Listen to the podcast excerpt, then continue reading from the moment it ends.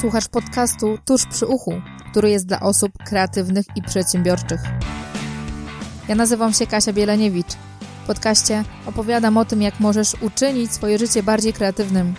Razem z moimi gośćmi dzielimy się strategiami, jak zwiększyć jakość swojego życia poprzez rozwój i samodoskonalenie.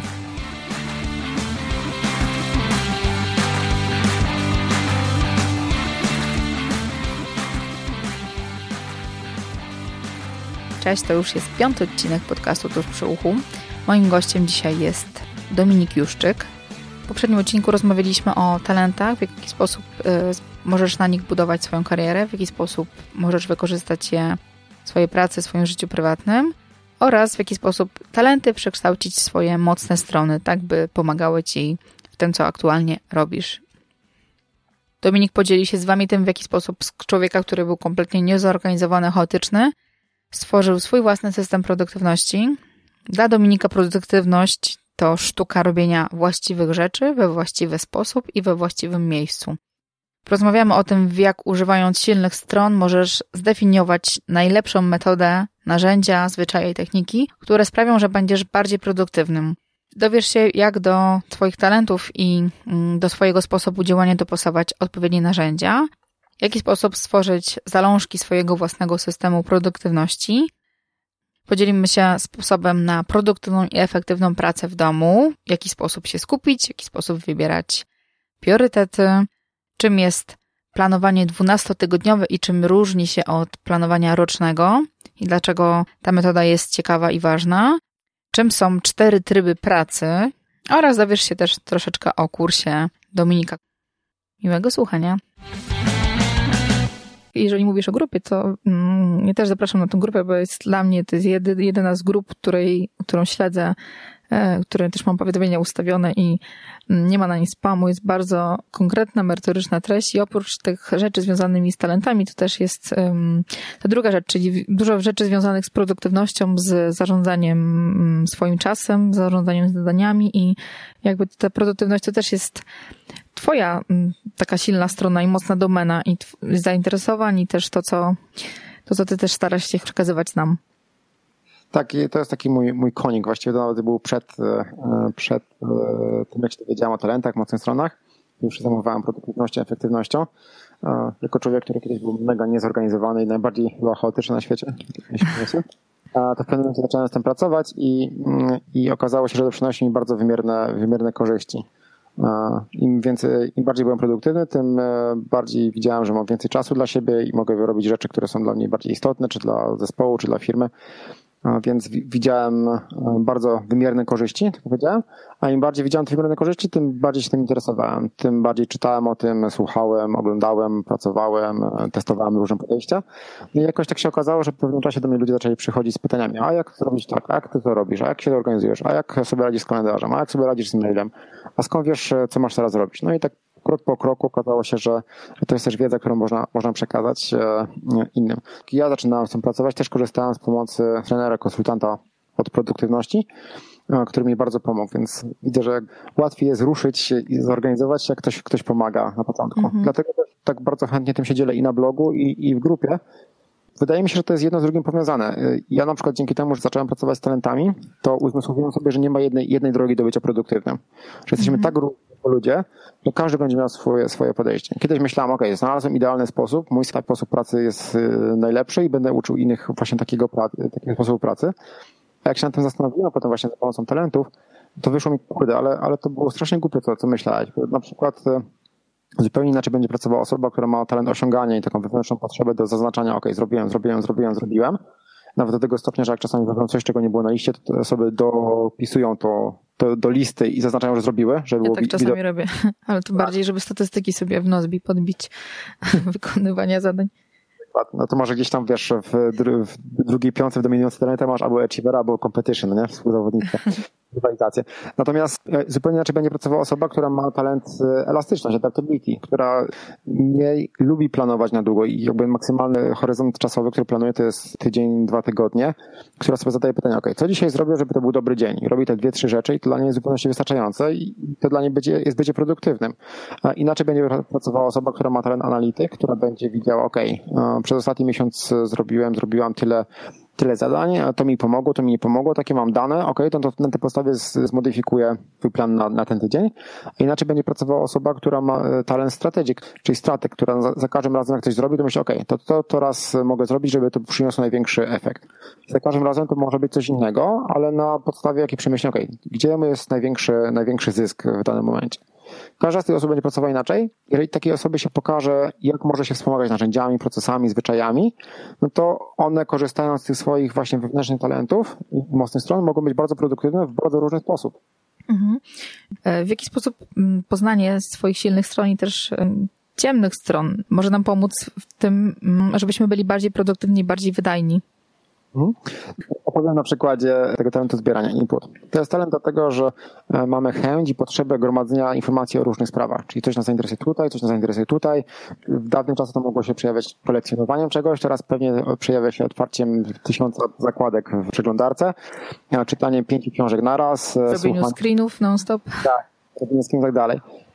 I e, zbieranie dla zbierania i kolekcjonowanie dla kolekcjonowania i zainteresowanie dla zainteresowania jest nieproduktywne, bo wiemy wiele o rzeczy, ale tak naprawdę nie wiemy, gdzie to odnaleźć, jak to wykorzystać. Prosta, prosta rzecz w tym obszarze, na przykład nauczenie się e, katalogowania i wykorzystywania technologii. Czyli na przykład e, zainteresowanie się OneNote'em, Evernote'em. Mhm. OK, teraz jak będę coś ciekawego widział, widziała, jakoś robiła screena, zakładkę, książkę, to będę miała miejsce przewidziane na to właśnie w tym Evernote albo w OneNote. Czyli na przykład nowe strony w obszarze przepisów będą lądowały w notebooku przepisy. Jak będę czytała nową książkę, to oprócz tego, że przeczytam książkę, to jeszcze notatki wypiszę w tym miejscu, żeby potem móc je przejrzeć, kiedy będę tego potrzebowała. Dzięki temu to już nie jest tak e, zbieranie i notowanie, czy interesowanie się dla czystego interesowania się i zaspokajania ciekawości, tylko z tego później można jakoś skorzystać. No, to jest taki bardzo prosty przykład, jak e, ograniczyć ciemną stronę talentu i przejść bardziej na jasną stronę i, i z tego produktywnie później korzystać. Więc e, dlatego warto właśnie wiedzieć, jakie są ciemne strony talentu, żeby móc je u Ciebie zobaczyć, czy, czy u mnie są, występują, czy nie. Jeżeli występują, no to z nimi, z nimi pracować. Mhm. Też pewnie osoby, które mają dużo mm, talentów, które są związane ze skupieniem jakimś, tak? Czyli fokus, być może im łatwiej być produktywnym. Czy to ma jakąś, jest jakaś zależność między tym a tym? No, wiesz co, y, osoby, które mają jakiś fokus, achiever i tak dalej, mają o tyle prościej, że dla nich jest dużo narzędzi. I większość, większość sposobów dostępnych w internecie, opisów w internecie jest dla osób właśnie pracujących w ten sposób którzy mówią, OK, pracuj dokładnie według tego schematu, od 10 do 11 pisz notatki, od 11 do 12 coś tam, coś tam i postępuj według jakiegoś tam harmonogramu. I dla części osób, głównie dla tych, którzy właśnie mają ten sposób pracy, to będzie działało. Natomiast dla pozostałych to, to nie będzie nic, nic pozytywnego, nic produktywnego. Więc wydaje mi się, że takim osobom łatwiej jest, dlatego że po pierwsze są bardziej doceniane za to, bo pracują w ten sposób, który społeczeństwo widzi, że jest produktywne, efektywne, skupie, pozwala się skupić a z drugiej strony mamy więcej po prostu dostępnych narzędzi. I rzeczy typu Nozbe, Todoist zostały stworzone dla osób, które konsekwentnie tego korzystają w ten sam sposób, nie? Więc jest mniej narzędzi dla osób, które mają mniej takiego podejścia. Mhm. Ale na przykład jest e, świetna książka, która się nazywa Deep Work Kala e, Newporta. On tam mówi o tym, jak pracować właśnie w tym stanie deep work, w stanie takiej głębokiej pracy. I on tam daje dużo porad, jak się skupić jak się przeczyta tę książkę, to tam jest mnóstwo porad o tym, jak się lepiej skupiać dla różnych osób z różnym podejściem. On na przykład tam podaje cztery tryby pracy. Z jednej strony mówi o trybie pracy, na nie wiem, ktoś pisze książkę i ma, może sobie na to pozwolić, to ktoś wyjeżdża na pół roku gdzieś jakiejś pustelni, przez pół roku siedzi, pisze tę książkę i wraca już napisaną książką. A na drugiej stronie spektrum jest, on to nazywa, ten tryb nazywa monastic, czyli taki jakby zakonny mnisi tryb pracy. Po drugiej stronie jest tryb pracy, który on nazywa journalist, taki dziennikarski, że jak masz 5-10 minut wolnego czasu, no to wyciągasz kartkę, czy komputer, czy e, smartfona i piszesz te kilka zdań, które chcesz opisać. I w ten sam sposób można, można też napisać książkę. I on podaje przykłady pisarzy, którzy wydali w ten sposób książki, które są bardzo popularne. Więc to bardziej chodzi o to, żeby zobaczyć, jaki jest mój sposób działania i dopasować do tego, e, jakie są moje talenty i dopasować do tego sposób działania. Naprawdę bardzo, bardzo polecam tę książkę. Deep Work jest jedną z lepszych książek, jakie przeczytałem. Mhm. Chciała przeczytać w takim razie kolejna na liście do przeczytania. To, co powiedziałeś, to jest fajne, czyli ja też staram się w swojej pracy jakby łączyć te zadania w bloki, tak? Bo dla mnie to jest mniej, mniej rozpraszam się, czyli jak jakiegoś dnia robię grafiki, to robię tylko grafiki, innego dnia czymś innym się zajmuję i dopasowując to do swoich emocji, do stanu, kiedy mam więcej energii czy mniej, czy kiedy mam więcej energii, to wtedy dzwonię, co nie jest dla mnie jakąś super y, naturalną rzeczą, czymś, co lubię robić, a jak mam jakiś gorszy dzień, to robię rzeczy, które są po prostu przyjemne dla mnie. Więc to rzeczywiście jest fajne, fajna rzecz. A w takim razie, jak możemy taki system produktywności własny stworzyć? Od czego powinniśmy zacząć? Ja jestem ogromnym zwolennikiem małych, małych kroków, więc e, start small. Uważam, że podstawa to jest zrozumieć, jakie jest e, nasz, nasze podejście, czyli zrozumieć te talenty, zrozumieć, jak, jak podchodzimy do, do świata i potem przejść przez kilka takich podstawowych rzeczy z obszaru produktywności. Żeby być produktywnym, żeby być efektywnym, to w jaki sposób musimy dopisywać rzeczy do zrobienia i pomyśleć, ok, gdzie ja przechowuję swoje rzeczy do, do Todoisty, to co mam zrobić i wybrać sposób, który dla mnie pasuje. Czy to będą karteczki w kilku miejscach przyklejone na ścianie i potem je raz nie, w tygodniu spisuję, czy to będzie Nozbiz w telefonie, gdzie zapisuję wszystkie, każdy, każdy pomysł. To jest, to jest pierwszy punkt. Jak się tego nauczy, zbuduję sobie zwyczaj wokół tego, no to potem wybrać sobie, zbudować zwyczaj, ok, jak ja z tej listy wybieram rzeczy, które są dla mnie e, najważniejsze. Inaczej będzie wybierał futuristik, który będzie widział ten daleki, daleki horyzont, będzie widział do czego dąży i mhm. będzie wybrał do tego celu służą. Inaczej będzie wybierał e, ktoś, kto ma talent dyscyplin, czyli stworzył strukturę, pewnie stworzy sobie dokładny algorytm przetwarzania zadań, może nawet wybierze go z książki GTD, Getting Things Done Davida Allena, gdzie ten algorytm jest dokładnie opisany. Inaczej będzie podchodziła osoba, która ma kontekst, czyli umiejętność patrzenia wstecz, na przeszłość, na historię i uczenia się z tego, bo zobaczy, jak to do pory działało i będzie widział, ok, w poniedziałki zwykle mam czas na trzy zadania, we wtorki mam więcej czasu, więc na tej podstawie będzie wybierał zadania. Jak już mamy listę, mamy sposób wybierania zadań dziennych, no to kolejny Kolejny obszar to jest e, e, przeglądanie tego co jakiś czas. Czyli jak, jak ja sprawdzam, czy ten system dla mnie działa. Znowuż dla jednych osób będzie to regularny przegląd raz w tygodniu, tak zwany przegląd tygodnia, gdzie przechodzimy przez wszystkie projekty, sprawdzamy, czy mamy dla każdego projektu następną akcję i tak dalej, tak. A dla innych osób to będzie tylko po prostu patrzenie, ok, w tym tygodniu zrobiłem 10 zadań, jest, jest dobrze. W następnym tygodniu zrobiłem 8 zadań, coś jest nie tak, to muszę coś zmienić. Więc e, też może być bardzo różne podejście w zależności od, od potrzeb, ale fajnie, żeby było mhm żeby było takie spojrzenie na to. No i, i uważam, że takim czwartym y, krokiem w takim minimalnym systemie produktywności to jest świadome wybranie sobie sposobu wybierania, wybranie, y, znalezienie sposobu na wybieranie priorytetów. Czasami mam tyle zadań, że warto wiedzieć, y, które zadanie jest ważniejsze, które ma wyższy priorytet mhm. dla mnie. No i też na podstawie talentów, na podstawie mocnych stron można, można sobie wymyślić taki, taki sposób. Ktoś, kto ma dyscyplin, czy tworzenie struktury, czy analitykę, może wymyślić sobie, nie wiem, wizję życia, konteksty, e, plany na 5 lat, na rok, e, plany 12-tygodniowe i tego się trzymać. E, ktoś, kto ma elastyczność, wypisze sobie taką wielką chmurkę, ok, to jest teraz dla mnie najważniejsze. O tym myślę, na przykład, nie wiem, wyjazd, wyjazd do Azji i mieszkanie tam przez pół roku. No i jak wybieram jakiekolwiek zadanie, tylko sprawdzam, czy to jest zgodne z tym zadaniem, czy nie. I, i tyle wystarczy, żeby wiedzieć, co, ma, co mam robić. Ktoś inny, e, na przykład ktoś, kto ma talent bliskość relator, no, to będzie tworzył sobie jakieś grupy mastermindowe albo grupy osób, z którymi będzie rozmawiał, ok, mm, mam takie zadania i razem przedyskutujemy, które są e, dla mnie ważniejsze, które mi pomogą i tak dalej, czyli razem kolektywnie wybierać. Znowu, w zależności od talentów można wybrać e, różny sposób podejścia. Czyli mamy, mamy takie cztery podstawowe obszary, które powinniśmy zbudować, żeby zacząć budować swój system produktywności. Mhm. Jak zbieramy zadania? jak, e, jak wybieramy zadania na dzień, e, co robimy. Przegląd, przegląd tygodnia i, i ustalenie priorytetów, systemu na priorytety. Mhm. Te cztery rzeczy na podstawie swoich talentów można zbudować w różny sposób, ale to już jest początek, taki zalążek systemu produktywności. No i potem, jak to już przez jakiś czas działa, przyjrzyjcie temu, co można usprawnić, co można zrobić lepiej i tak dalej, i tak dalej. U mnie takim sposobem też fajnym jest przefiltrowanie, jeżeli mam bardzo dużo zadań pod kątem wartości, czy jakieś zadania, które robię, są mi po pierwsze potrzebne, czy e, służą mojej głównej wartości, czyli rodzinie, tak? Czas, czasie, kiedy, czy chcę wykonać je, poświęcić czas, kiedy mogłabym spędzić z dziećmi, z rodziną na wykonanie tych zadań różnych. E, I też jednym takim u mnie kryterium jest e, stawka godzinowa, czy niektóre z tych rzeczy są w ogóle opłacalne. Czy jest sens je robić, czy mogę je oddelegować, albo w ogóle skreślić z listy zadań i ich zupełnie nie robić. I u mnie to też mocno jakby segreguje, selekcjonuje te wszystkie rzeczy, które mam do zrobienia. Mhm.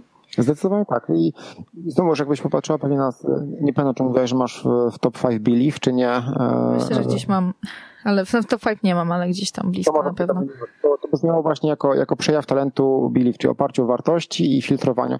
Znam sporo osób, które na podstawie na przykład wybierają, czy w firmie mogą pracować w danym projekcie, czy nie. Bo na przykład jeden klient e, e, nie jest, nie wiem, nie działa zgodnie z zasadami e, ekologicznymi i oni nie chcą ze sobą pracować, bo dla nich wartości ekologiczne są bardzo ważne. To bardzo, bardzo wpływa na sposób pracy i, i, i tryb pracy. Mhm. No ja na przykład się zwalniałam z pracy jak pracodawca, czy w zespole były rzeczy, które jakby mi nie odpowiadały albo które dla mnie były nieetyczne na przykład, to, to dla mnie nie było problemu, żeby się zwolnić i nie uczestniczyć w takim zespole, który jakby nie miał dobrego wpływu na mnie. Jasne, no, jeżeli dla ciebie to jest e, taki mhm. sposób działania, musisz mieć e, pewne wartości, no to, to oczywiście, że to jest praktycznie jedyna, jedyna droga, żeby, żeby nie pracować wbrew sobie, nie, nie frustrować się. Mhm. Co byś polecił osobom, które tak jak ja i tak jak mój mąż na przykład pracują w domu, nie chodzą do biura, w jaki sposób się skoncentrować, skupić? Czy jest coś takiego, co możemy my wprowadzić, żeby jeszcze bardziej być wydajnym i bardziej skupionym? Jasne, wiesz to, y, mogę, mogę mówić trochę z punktu widzenia mojego doświadczenia w pracy mhm. zdalnej. Że ja pracuję zdalnie, ale też mam ludzi, z którymi pracowałem, e, którzy pracowali w domu. Jest takie kilka podstawowych rzeczy, e, jeżeli chodzi o, o, o pomoc sobie w, w, tym, w tym obszarze. Na pewno e, warto ustalić jakieś ramy, kiedy ja pracuję, a kiedy nie pracuję. Jeżeli pracujecie z domu, no to dosyć łatwo jest przeciągnąć pracę na ten czas prywatny albo czas prywatny na pracę. Mhm. Więc warto, warto sobie powiedzieć, ok, pracuję od tej do tej, na przykład, nie wiem, od 8 do, do 12, potem mam dwie godziny przerwy na rodzinę. Jak pracuję z domu, to ma się ten luksus, można sobie zrobić obiad razem, wyjść gdzieś coś poćwiczyć, odebrać dzieci i tak dalej. I potem na przykład pracuję, nie wiem, od 16 do 20. Warto mieć zwyczaj taki, że jak zaczynam pracę, no to zmieniam strój. Tak aby, tak abyś wychodziła do biura. Pomimo tego, że mhm. pracujesz w domu, to nie pracować w dresach czy w piżamie, a tylko, tylko jasno oddzielić, ok, teraz ubieram, nie wiem, nie mówię, żeby ubierać garsonkę czy, czy garnitur, ale ubrać się tak jakby się szło do, do jakiegoś biura czy gdzieś, gdzieś, gdzieś na zewnątrz. A warto mieć jakiś swój kącik, gdzie ma się swoje, swój, swoje ustawione rzeczy, typu żeby to było ergonomiczne środowisko, żeby można było tam siedzieć, żeby tam było czysto, mm żeby tam nie wchodziły rzeczy z, jakby z domu, czyli jak mamy biurko swoje, no to i mamy dzieci, no żeby tam nie wchodziły, nie wiem, jakieś malowanki dzieci, zabawki i tak dalej, że to było, to było jasno oddzielone. Pracując z domu, istotne jest to, żeby czasami z tego domu wyjść. Jak się pracuje w biurze, no to się rano wychodzi, y, może czasami się stoi w korku, ale gdzieś się przejdzie, jest na zewnątrz, widzi się jaka jest pogoda i tak dalej. Pracując z domu, czasami się o tym zapomina. Zadbać o jakieś takie rytuały swoje, na przykład jakieś ćwiczenia, tego, tego typu rzeczy. Wydaje mi się, że to są, to są największe wyzwania. Częste wyzwaniem, które widzę, jest to, że właśnie jest brak y, jasnego podziału, kiedy jest czas pracowy, kiedy jest czas prywatny. I przez to się czasami praca przelewa na ten czas, e, czas, e, czas prywatny. Dodatkowo jak się pracuje z osobami, które pracują w innym miejscu zdalnie, no to też warto zadbać o jakieś relacje, czyli od czasu do czasu zadzwonić i pogadać z kimś przez telefon zamiast na Skype, czy na Slacku, czy na jakimś innym, innym e, komunikatorze. Świetnie to opisuje Michał Śliwniński i Radek, albo Rafał, nie pamiętam dokładnie, z firmy Nozbi w wywiadzie udzielonego Michałowi Szafrańskiemu w podcaście Więcej niż oszczędzanie pieniędzy. To był taki odcinek o trybie pracy no office i on jest bardzo długi, dwie godziny trwa, tym jak pracuje się w firmie Nozbi. A firma Nozbi jest właśnie typową firmą, która nie ma biura. Tam jest 30, prawie 30 osób a teraz. E, każda z tych osób pracuje z innego miejsca na świecie i oni opowiadają, jak to wygląda z punktu widzenia pracodawcy i jak to wygląda z punktu widzenia pracownika.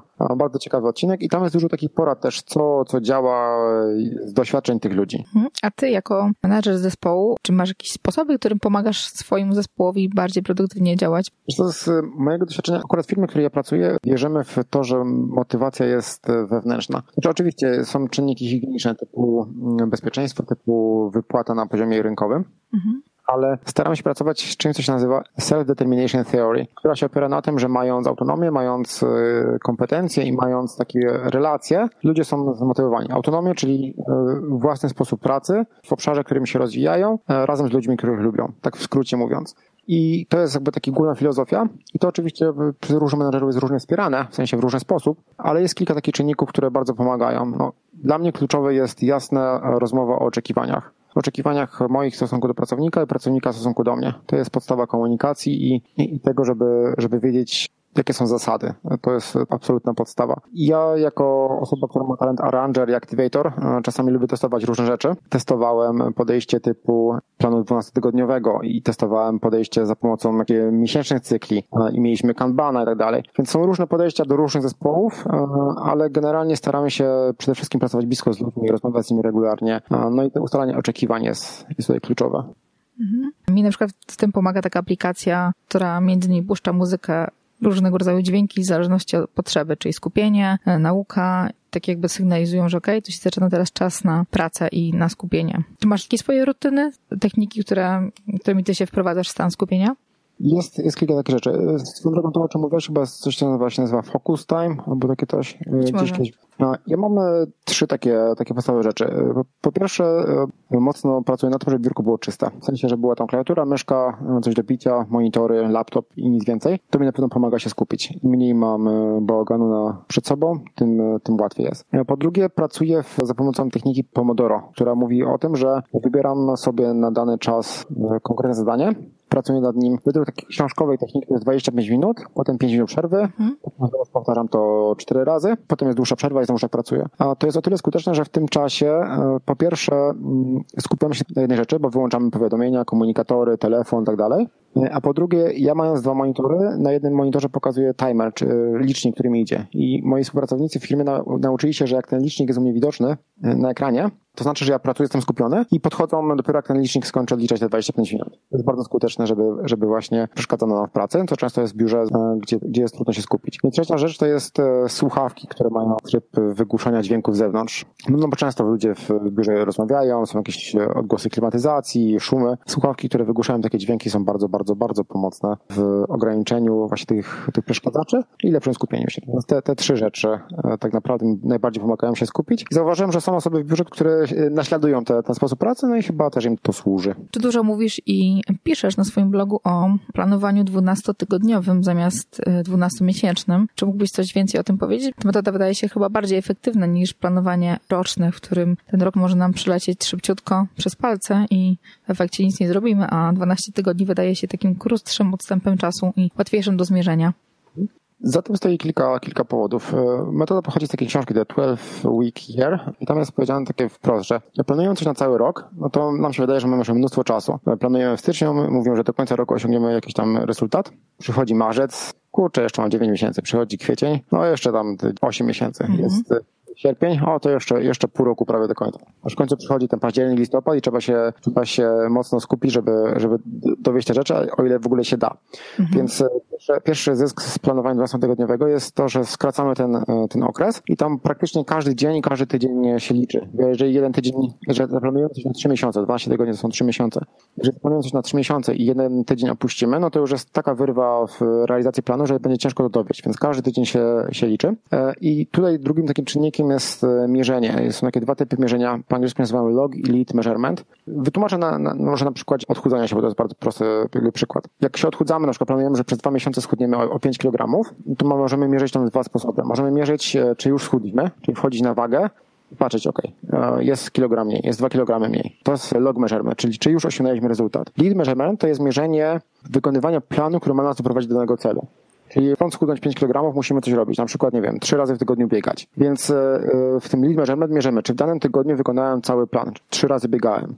Biegałem? Nie biegałem. Jeżeli nie biegałem w danym tygodniu, to już wiem, że będzie mi ciężko dojść do tego, do tego celu. Dlatego tak ważne mierzenie wykonania planu, e, no bo na bieżąco widzimy. Już jeżeli po trzech tygodniach widzimy, że zamiast biegać 9 razy biegaliśmy tylko dwa razy, no to już można jasno powiedzieć, że musimy zmodyfikować plan, albo zmodyfikować cel, który chcemy osiągnąć, bo tego oryginalnego celu będzie ciężko osiągnąć w dany sposób, jak, tak jak pracujemy. I, I, to z tego, z tego wynika właśnie możliwość skupienia się na każdym tygodniu, że każdy tydzień, każdy dzień jest ważny i łatwiejsze mierzenie tego postępu za pomocą lead i log measurement. I to też jest trochę w, w myśl metody Kaizen, czyli małych kroków, które prowadzą do dużych sukcesów, dużych wyników Mhm, zdecydowanie tak. To jest metoda Kaizen, to też o tym David Allen mówi, który powtarza wciąż, że jeżeli mamy jakiś duży projekt, duże, duże, duże zadanie, to podzielimy je na takie zadania, które możemy wykonać przy jednym posiedzeniu, tam godzinę, dwie godziny maksymalnie. Po pierwsze łatwiej się za to zabrać, a po drugie widzimy, że coś, jakiś postęp jest e, i idziemy do przodu. Pisanie 20-stronicowego raportu może być trudne, bo to jest, wydaje mi się, ogromne zadanie, mhm. ale tworzenie szablonu dokumentu i wypisanie tytułów rozdziałów już jest do zrobienia w, w pół godziny. Potem następny etap to będzie napisanie nagłówków w pierwszym rozdziale. Trzeci etap to będzie napisanie pierwszego rozdziału. Mhm. Dzieląc sobie duże rzeczy na małe rzeczy, możemy posuwać się do przodu aż, aż do zrealizowania. Pewnie gdybyśmy myśleli, ok, mam napisania cały raport 20-stronicowy, no to pewnie byśmy przez tydzień prokrastynowali, bo to się wydaje, że to jest takie dużo do zrobienia. Mhm. A jakich narzędzi, Dominik, używasz do mm, planowania 12-tygodniowego? A, tak naprawdę używam kilku narzędzi. Przy czym pamiętam, że ja lubię takie narzędzia, więc mam trochę rozbuchany ten system. Mhm. Takim głównym narzędziem, gdzie mam zaplanowany cały rok, tak naprawdę mam wizję życia, e, konteksty typu właśnie relacja z żoną, z dziećmi, finanse, kariera, edukacja, a potem plany pięcioletnie, roczne i 12-tygodniowe. Do tego używam Goalscape'a, ale właśnie używam Goalscape'a dlatego, że on ładnie wizualizuje i mogę tam trzymać te wszystkie, wszystkie rzeczy. Czy to jest trudne, potem, trudne narzędzie, czy... Mm? bardzo, bardzo narzędzie, bardzo, e, bardzo wizualne i wydaje mi się, że jest opcja bezpłatna dla jednej mapy do 30 jakby obszarów. To mogę potem podpisać Ci linka, to umieścisz w notatkach. Mhm. Natomiast e, po tym, jak pracujesz nad konkretnymi 12 tygodniami, to pracujesz za pomocą OneNote'a i Nozbiego. W OneNote mam przegląd e, całego planowania się tygodni i raz w tygodniu robię sobie przegląd i wrzucam sobie konkretne zadania do Nozbiego. I w Nozbi wtedy mam już konkretne zadania do, do wykonania. Więc jeżeli miałbym tak podsumować, jakie najprostsze narzędzia, z których warto korzystać, to jest OneNote i Nozbi ale też e, jeżeli ktoś potrzebuje innych narzędzi, no to na blogu nawet udostępniam dwa szablony. Jeden w postaci Excela, drugi w postaci e, Google Spreadsheet, gdzie w jednym miejscu można sobie zaplanować jeden konkretny cel i rozbić go na, na, różne, na różne taktyki, etapy właśnie na każdego tygodnia. Więc e, w zależności od potrzeb można różne rzeczy, rzeczy wybrać. No, dla mnie najlepiej się sprawdza to trio. Goalscape, OneNote i Nozbe. Bo z tych tak, tak korzystam na co dzień. Nie wiem, czy możemy zdradzić, że pracujesz nad swoim własnym kursem, który niebawem ruszy. Tak, e, niedługo ruszymy, mam nadzieję, że w ciągu miesiąca. Rozmawiamy na początku marca, więc mam nadzieję, że, że na początku kwietnia ruszy. To właśnie będzie e, kurs, który będzie pomagał przejść przez takie pierwsze 12 tygodni danej, e, dla danego celu. Osoby, które się napiszą, dostaną dostęp do takiego formularza, albo jeszcze nie wiem, czy to będzie Google Drive czy, czy w OneDrive i będą pod moją opieką mogły definiować sobie ten cel, rozbić go na poszczególne kroki i potem przez 12 tygodni śledzić postępy aż do zrealizowania celu. Jestem pewien, że jeżeli ktoś dobrze zdefiniuje na początku cel, dobrze rozbije go na, na poszczególne kroki, to na koniec tego okresu y, osiągnie ten swój zamierzony cel. Super, to tak naprawdę wszystkie osoby, które słuchają podcastu, tu mogą sobie wymyślać swoje cele, wszystkie teraz. Jeszcze nic na razie z tym nie robić, a mm, jak już Dominika kurs ruszy, to y, pod jego okiem szybciej, sprawniej y, ruszyć do dzieła i prosty, szybki sposób to zaplanować i zrealizować. Tak, e, mogą myśleć to osoby już nad e, nazywaniem swoich celów za pomocą metody SMART, e, czyli żeby cele były SMART, to nie, nie wiem, czy znasz ten akronim SMART. Tak, tak, tak czyli specific, measurable, ja lubię A jako ambitious, ale R realistic i time bound, czyli żeby był konkretny, mierzalny, e, ambitny, ale realny do zrealizowania i ograniczony czasowo. Takie cele sobie jest dużo łatwiej, dużo łatwiej realizować, bo naprawdę wiemy, co chcemy zrealizować, jak sprawdzić, czy go zrealizowaliśmy i kiedy będzie zrealizowane. Super. W takim razie Dominiku, bardzo Ci dziękuję za rozmowę. Myślę, że ten podcast podzielimy na dwie części. Pierwszą o talentach, drugą o produktywności. Link do zapisu na mm, newsletter, który będziecie też mogli dostać od niego informacje o kursie oraz o liście talentów w języku polskim. Dominiku, bardzo Ci dziękuję za poświęcony czas i wszystkich zapraszam do Dominika na jego bloga i na jego stronę. Dziękuję Ci bardzo, było bardzo miło mi rozmawiać i mam nadzieję, że, że ktoś coś wyciągnie z tego konkretnego i chociaż jedną rzecz do, do wykorzystania. O to chodzi, nie? Żeby coś z tym robić, nie tylko słuchać, ale robić coś do przodu. Dokładnie. Super. Dziękuję bardzo. Dzięki. Wierzę, że wyciągnąłeś coś z tej rozmowy i będziesz mógł wprowadzić już w tym momencie do swojej pracy, do swojego życia. Ja zapamiętam to, że zanim zacznę tworzyć swój system produktywności, warto jest poznać siebie, swoje nawyki, swój sposób działania, mm, swoje przyzwyczajenia, swoje talenty. Dopiero później e, narzędzia, aplikacje dopasować do siebie, a nie odwrotnie. A wiele osób o tym zapomina. Nie ma jednego uniwersalnego narzędzia, które będzie idealne dla każdego, które będzie każdemu odpowiadało, tylko każdy musi znaleźć to, co będzie idealne dla niego i e, skrojone na miarę dla niego. I od razu zapraszam Cię na kolejny odcinek, numer 6, w którym gościem będzie Anna Urbańska, która jest pierwszym w Polsce mastertenerem takiej metody rozwojowo-edukacyjnej jak struktogram. To metodę, czyli struktogram, stosuje wiele marek, które są, mm, które na pewno kojarzysz, takich jak Peugeot, Chibo, Credit Bank Agricole, Bayer, Nestle, Coca-Cola, IBM, ING, Siemens i jeszcze kilka z nich. Dowiesz się, w jaki sposób możesz wykorzystać struktogram swojej pracy, w swoim życiu prywatnym, w swoim biznesie oraz budowaniu swojego zespołu. Więcej dowiesz się o tym już za tydzień. Wydaje mi się, że to jest pierwszy podcast, który będzie poświęcony temu tematowi, mm, więc zapraszam Was serdecznie. Ostatni tydzień był dla mnie dosyć trudny. E, miałam bardzo dużo problemów z tym, żeby się skoncentrować na swoich zadaniach, żeby usiąść i robić tylko jedną rzecz. I jestem bardzo ciekawa, w jaki sposób Wy pracujecie, co robicie, żeby się lepiej skupić, żeby pracować nad y, konkretną rzeczą. Czy używacie jakichś aplikacji, narzędzi, co jest takiego, co u Was akurat się sprawdza. Być może będę mogła to wprowadzić u mnie.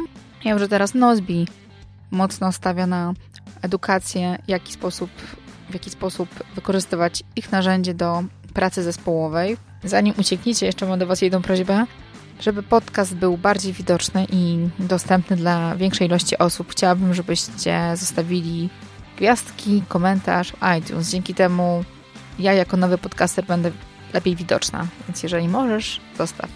Jeżeli macie jakieś pytania, bądź też chcecie się czymś podzielić, zapraszam na bloga, Facebook lub Instagram. Tam możecie mnie znaleźć. Tymczasem do zobaczenia. Cześć!